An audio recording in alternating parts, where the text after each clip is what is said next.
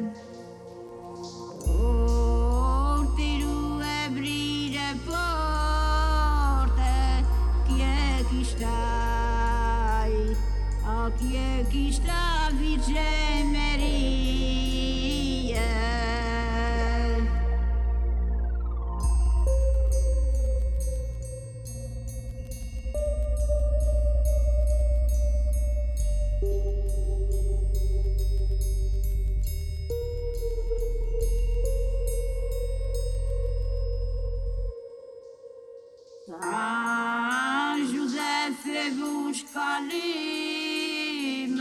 e é vigei, ao que é vigei fiquei ali.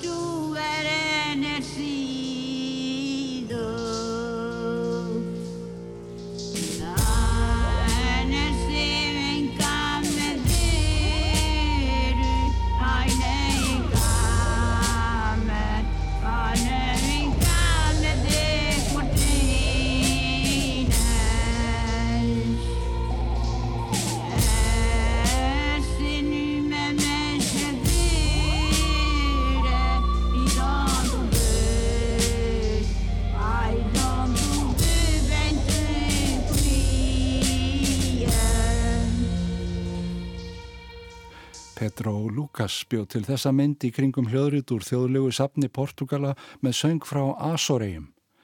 Sjálfur er hann þaðan eftir því sem ég kemst næst og kannski einmitt alin upp á São Migues eiginni sem fóstraði þennan söng. En svo er Pedro Lucas líka með hljómsveit á samt söngvarunum og textasmiðnum Medeiros Ferreira og hér er til líka sungið um fallegu heima eigarnar sem rýsa upp úr mistrinu. Para a música, os artistas da nossa terra.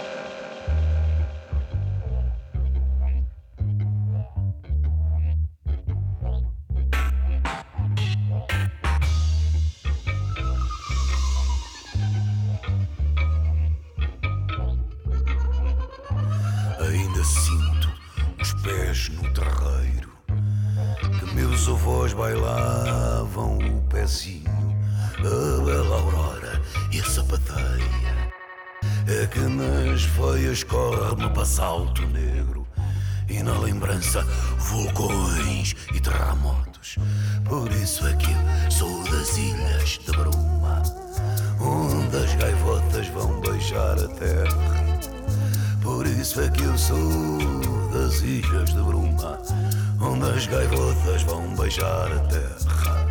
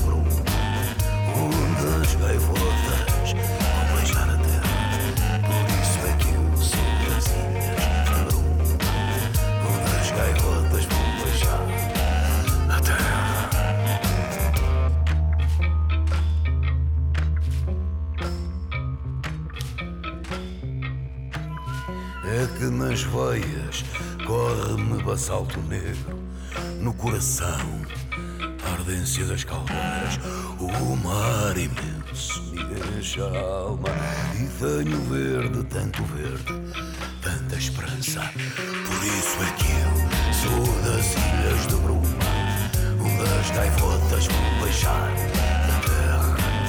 Por isso é que eu sou das ilhas de Bruma, onde as gaivotas vão beijar a terra. Ílas de Bruma, duettinn Medeiros og Lukas að syngja um eigarnar sem byrtast í mistrinu, Didgeridoo og alls konar hljóðgjafar hér á ferðinni, portugalskir tónar sem bárust hátalarunum frá ónefndum vini þáttarins hafi hann bestu þakkir fyrir sendinguna. Og það berast líka sendingar innanlands, við skulum heyra næst sínisorn af nýri plötu Guðmyndar Steins Gunnarssonar, Sinfoníu sem var að koma út. Við höfum áður heyrt tónlist Guðmundar Steins í þessum þætti og átt spjallviðan um eitt og annað sem tengist tónlistinni hans. Í symfóníinni er það tónlistarhópurinn Fengjastrútur sem sér um hljóðfæraleikin.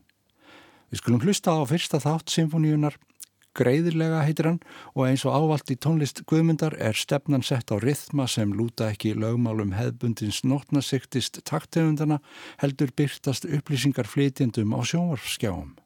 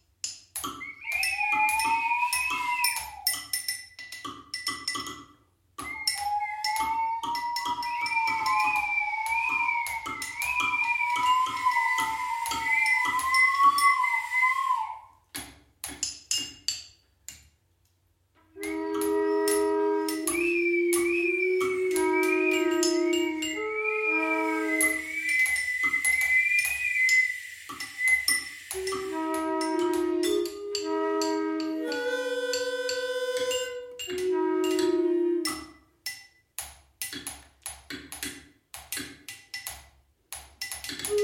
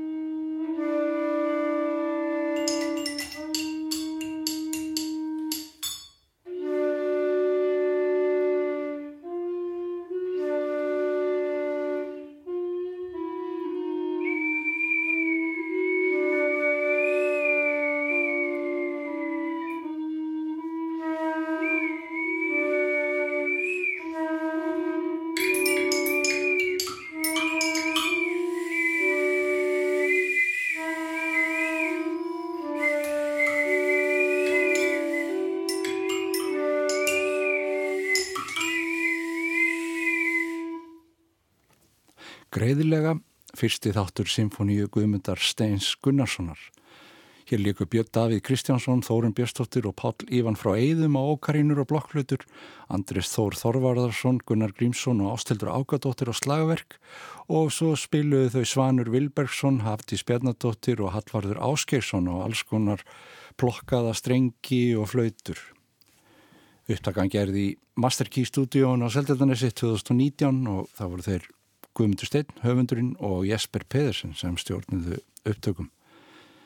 Guðmundur Steinn gefur plötu sína út á sérskornum vínilplötum í umslægi sem er hvert fyrir sig einstakl listaverk. Þessar meismunandi byrtingamindir tónlistarinnar er hægt að nálgast til dæmis á bandkamp eða hjá Guðmundi sjálfum.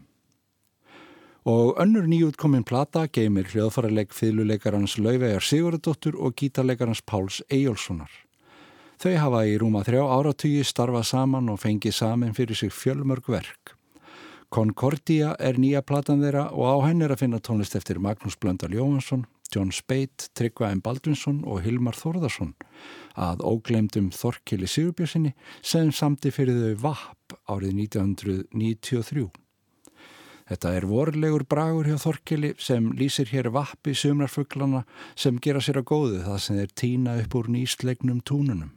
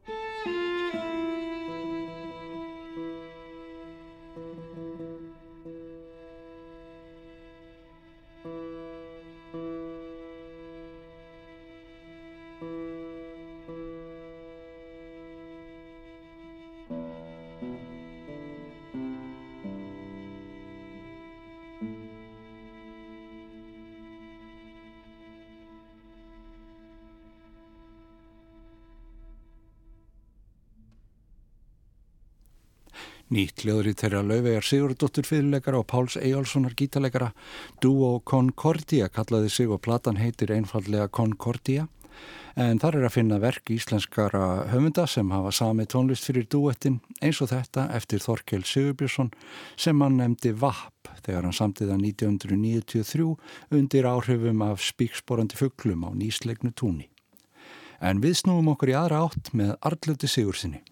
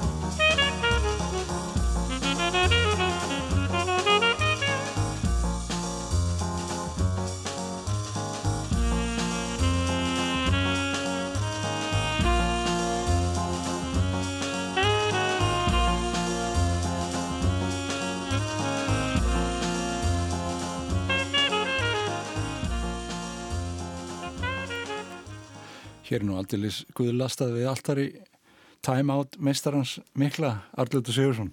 Já, Já, ég var svona mjög hissa þegar ég heyrði þetta og hugsaði Dave Brubeck samti Golden Brown hlaut að vera. Já, ég hugsaði þetta líka en mitt þegar ég heyrði, maður, maður hugsaði þetta fyrst Já. og svo þegar maður hlusta lengur Já, þá, þá renna á mann tvær grímur. Einmitt, það, það, það er eitthvað. Að Ég man ekki eftir að Ma Brúbæk hafi gert stranglersplötu Nei. Uh, Já, þetta er hérna svona YouTube-æði núna, eða þetta er orðið svona hittari á já, YouTube. já.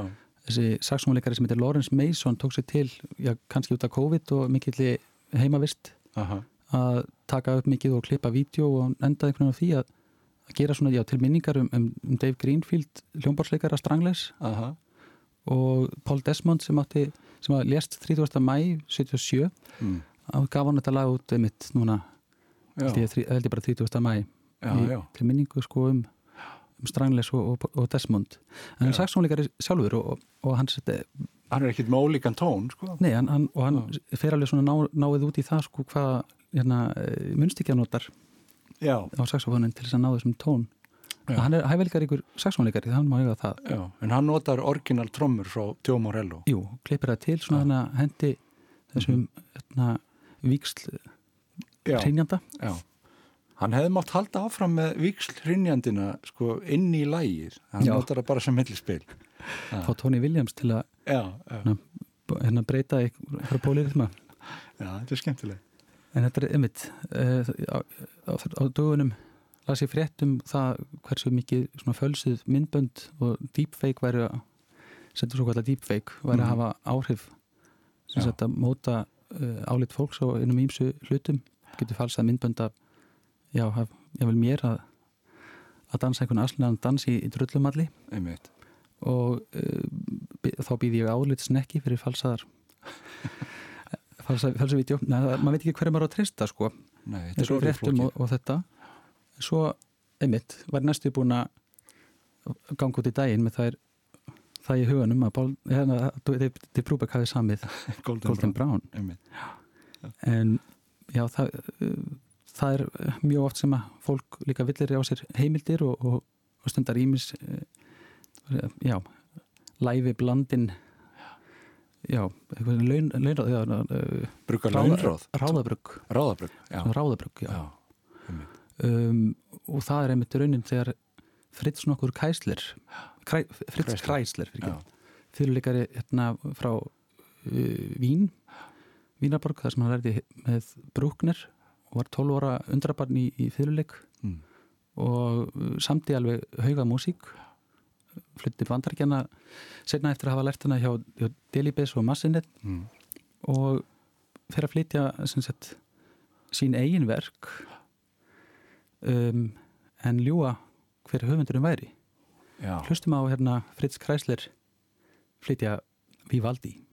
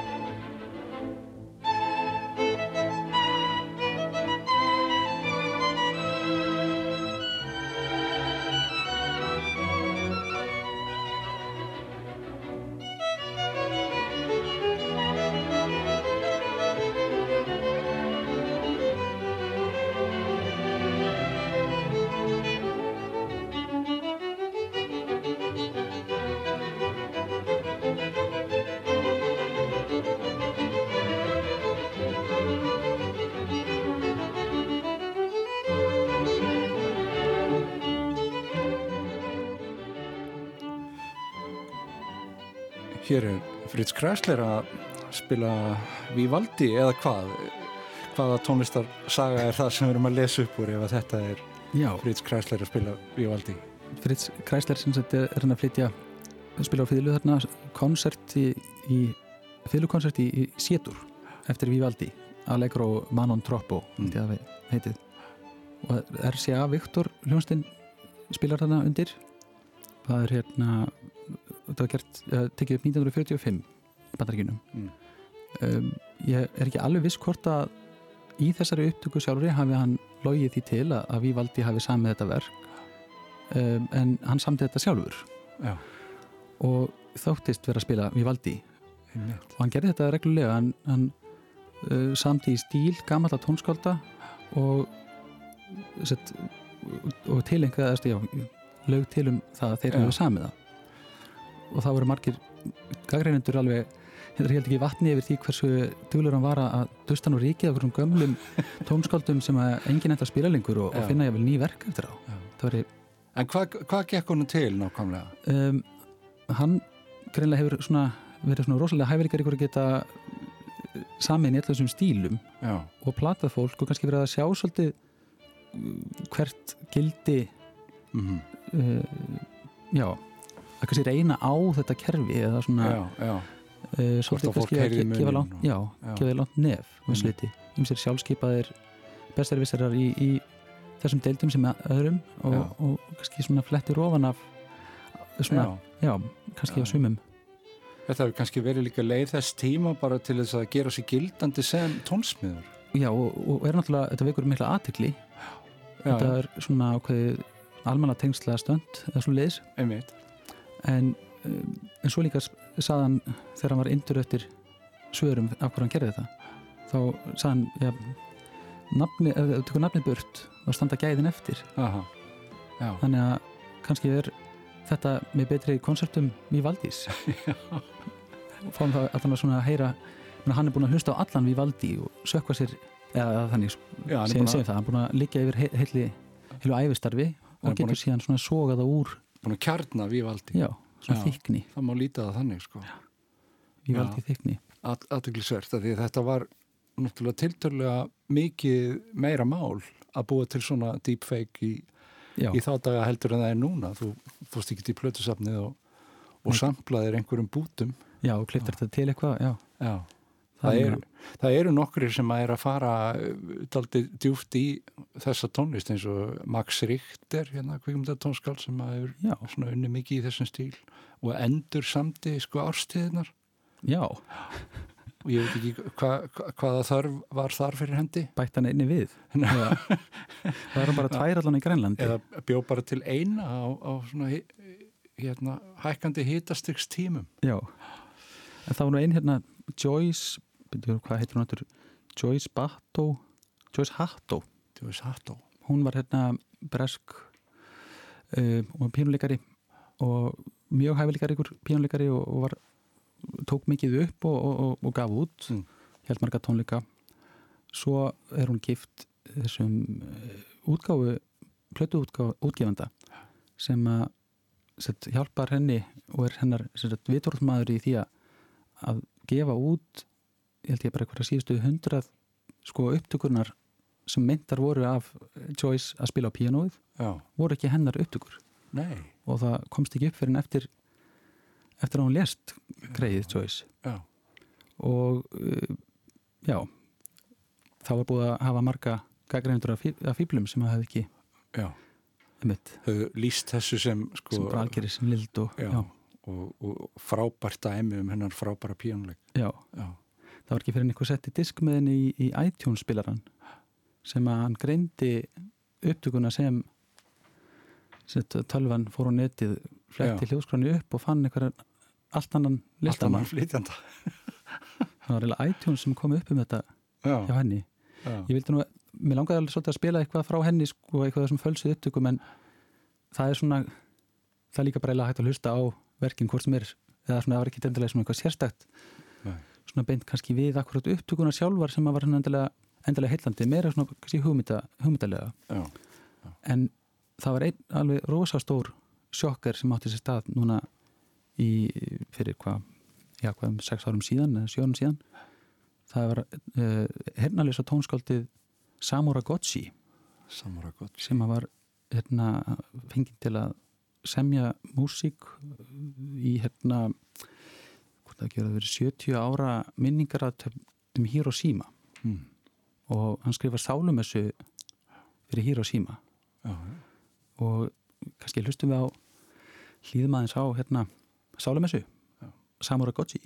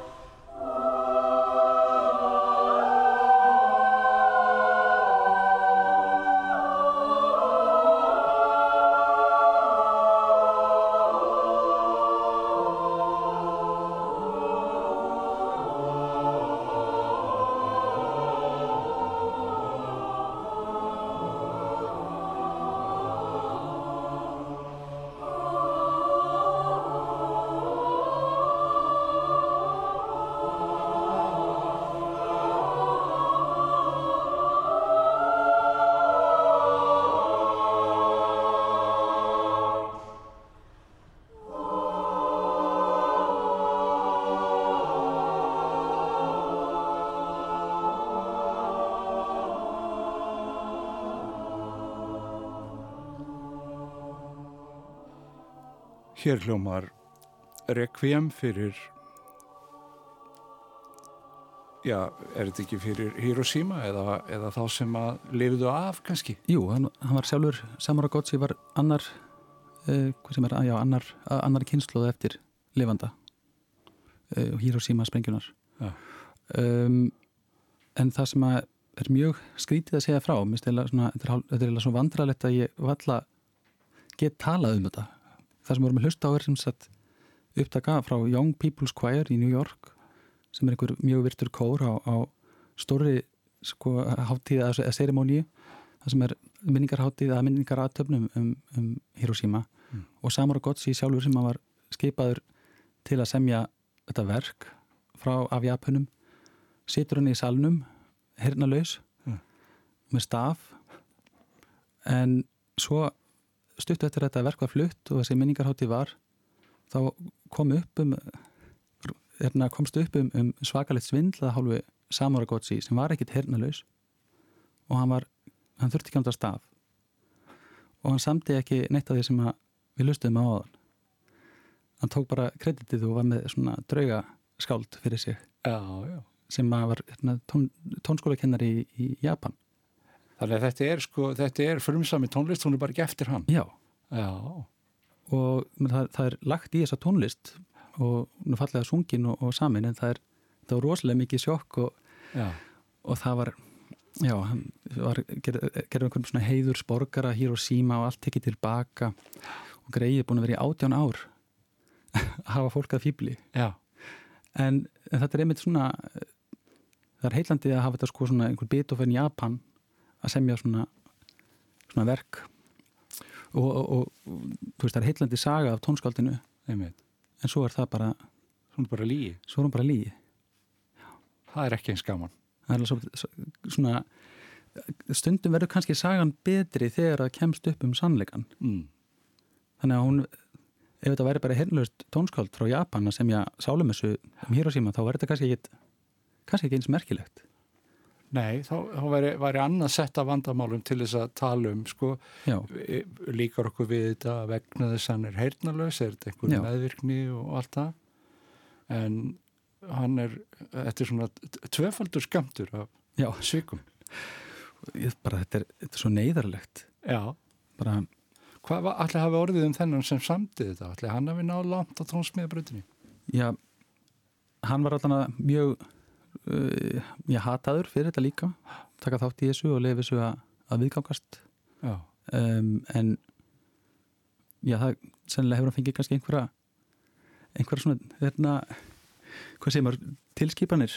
Já. nei, hérna commissions, Já, hann, hafi verið pantað hjá hann verk, í, verk í í, í framhaldinu.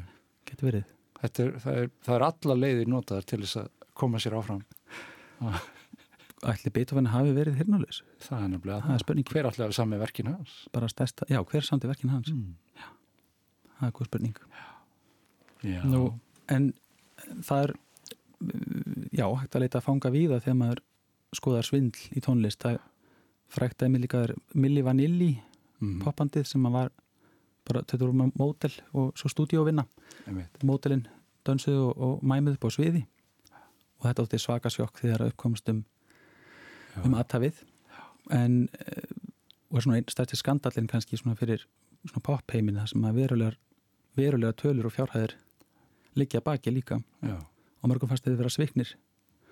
Nú líka eh, Masked Marauders var band sem að eh, þótti hafa hérna plötufyrirtæki þóttist verið að gefa út plötu með frægum listamönnum sem að gátt ekki komið fram undir eigin nafni. Þurftu að vera undir svona alægis eða svona gerfi nöfnum og þá fóru allir að hugsa já þarna eru Mick Jagger og Bob Dylan og þetta er plata með, með John Lennon og öllum og Ringo og bara allir fóru eitthvað til Kanada búin til svona góðsaga um þessa plötu. Já, þetta væri eitthvað nýtt efni frá þessum svona stjörnum rocksins og, og, og rollingarna já, en þá er þetta bara eitthvað einhverjir aðri leikmenn já. sem að gerðu svona músík svolítið í, svona, stí, í stílunum sko, og, og hermdu eftir Bob Dylan og, og Mick Jagger í einhverju svona sveittum hippa já, Það er fíling náttúrulega til svo, sko, það er til þannig eftirhermur að orginalóldnir sko trúaði alltaf sjálfur að þeir, þetta sé ekki þeir. já, Já, ég vil einum of líkir. Já, Sjálf- já, já. Þetta er, maður býður eftir öllum stuðmannarplötunum með Sól og Holm. já. Mm. og hver að herma eftir sér hver er hún eftir herman Nei, hérna, en kannski svona fyrst við erum komin svona á býtla leiðina. Fyrir nokkur mánu síðan var Sony stórfyrirtækið að skoða gerfikarind og tónlist og ég veit nú ekki nákvæmlega hvernig þeir svona höguðu þessu gerðu þessa völundar smíð en það er eh, rocklag í anda býtlana þar sem að gerfikarindalótin semja nýtt býtlalag Já, og það eru alls konar aðfrið til þess ég þór ekki alveg að fara út í hvernig ég gerði þetta en útkoman er hins vegar mjög áhugaverð. Og þau verðu, ör- já, verðu vist mjög miklum peningum og tíma í þetta já, verkefni en það er þetta svona eitt af geggjaðri gerfi, gerfi, gerfigreindar lögum sem að, heyrt. Og er, þetta- er sem sagt, að þá eru búin við til einhverju algoritmar til að finna út það sem að virkar. já, eitthvað svona sem er í anda þeirra þeir fara yfir alla texta með bílunum orðin sem þeir nota, hversu átti að koma fyrir og það er alls konar svona það er þetta algrím fyrir einhverja leiðir þar í gegn og, og, og tekur eitthvað sem gæti verið höfundarengin í bílana já, og já, við langar hans bara til að kveðja þá á, á læginu Daddy's Car sem Daddy's er samið af, af algrím algrími. Fymti bítillin algrími. algrímur, já Takk fyrir þetta alljóttur og við látum þetta duga í hátalarunum að þessu sinni. Takk fyrir að hlusta. Takk fyrir mig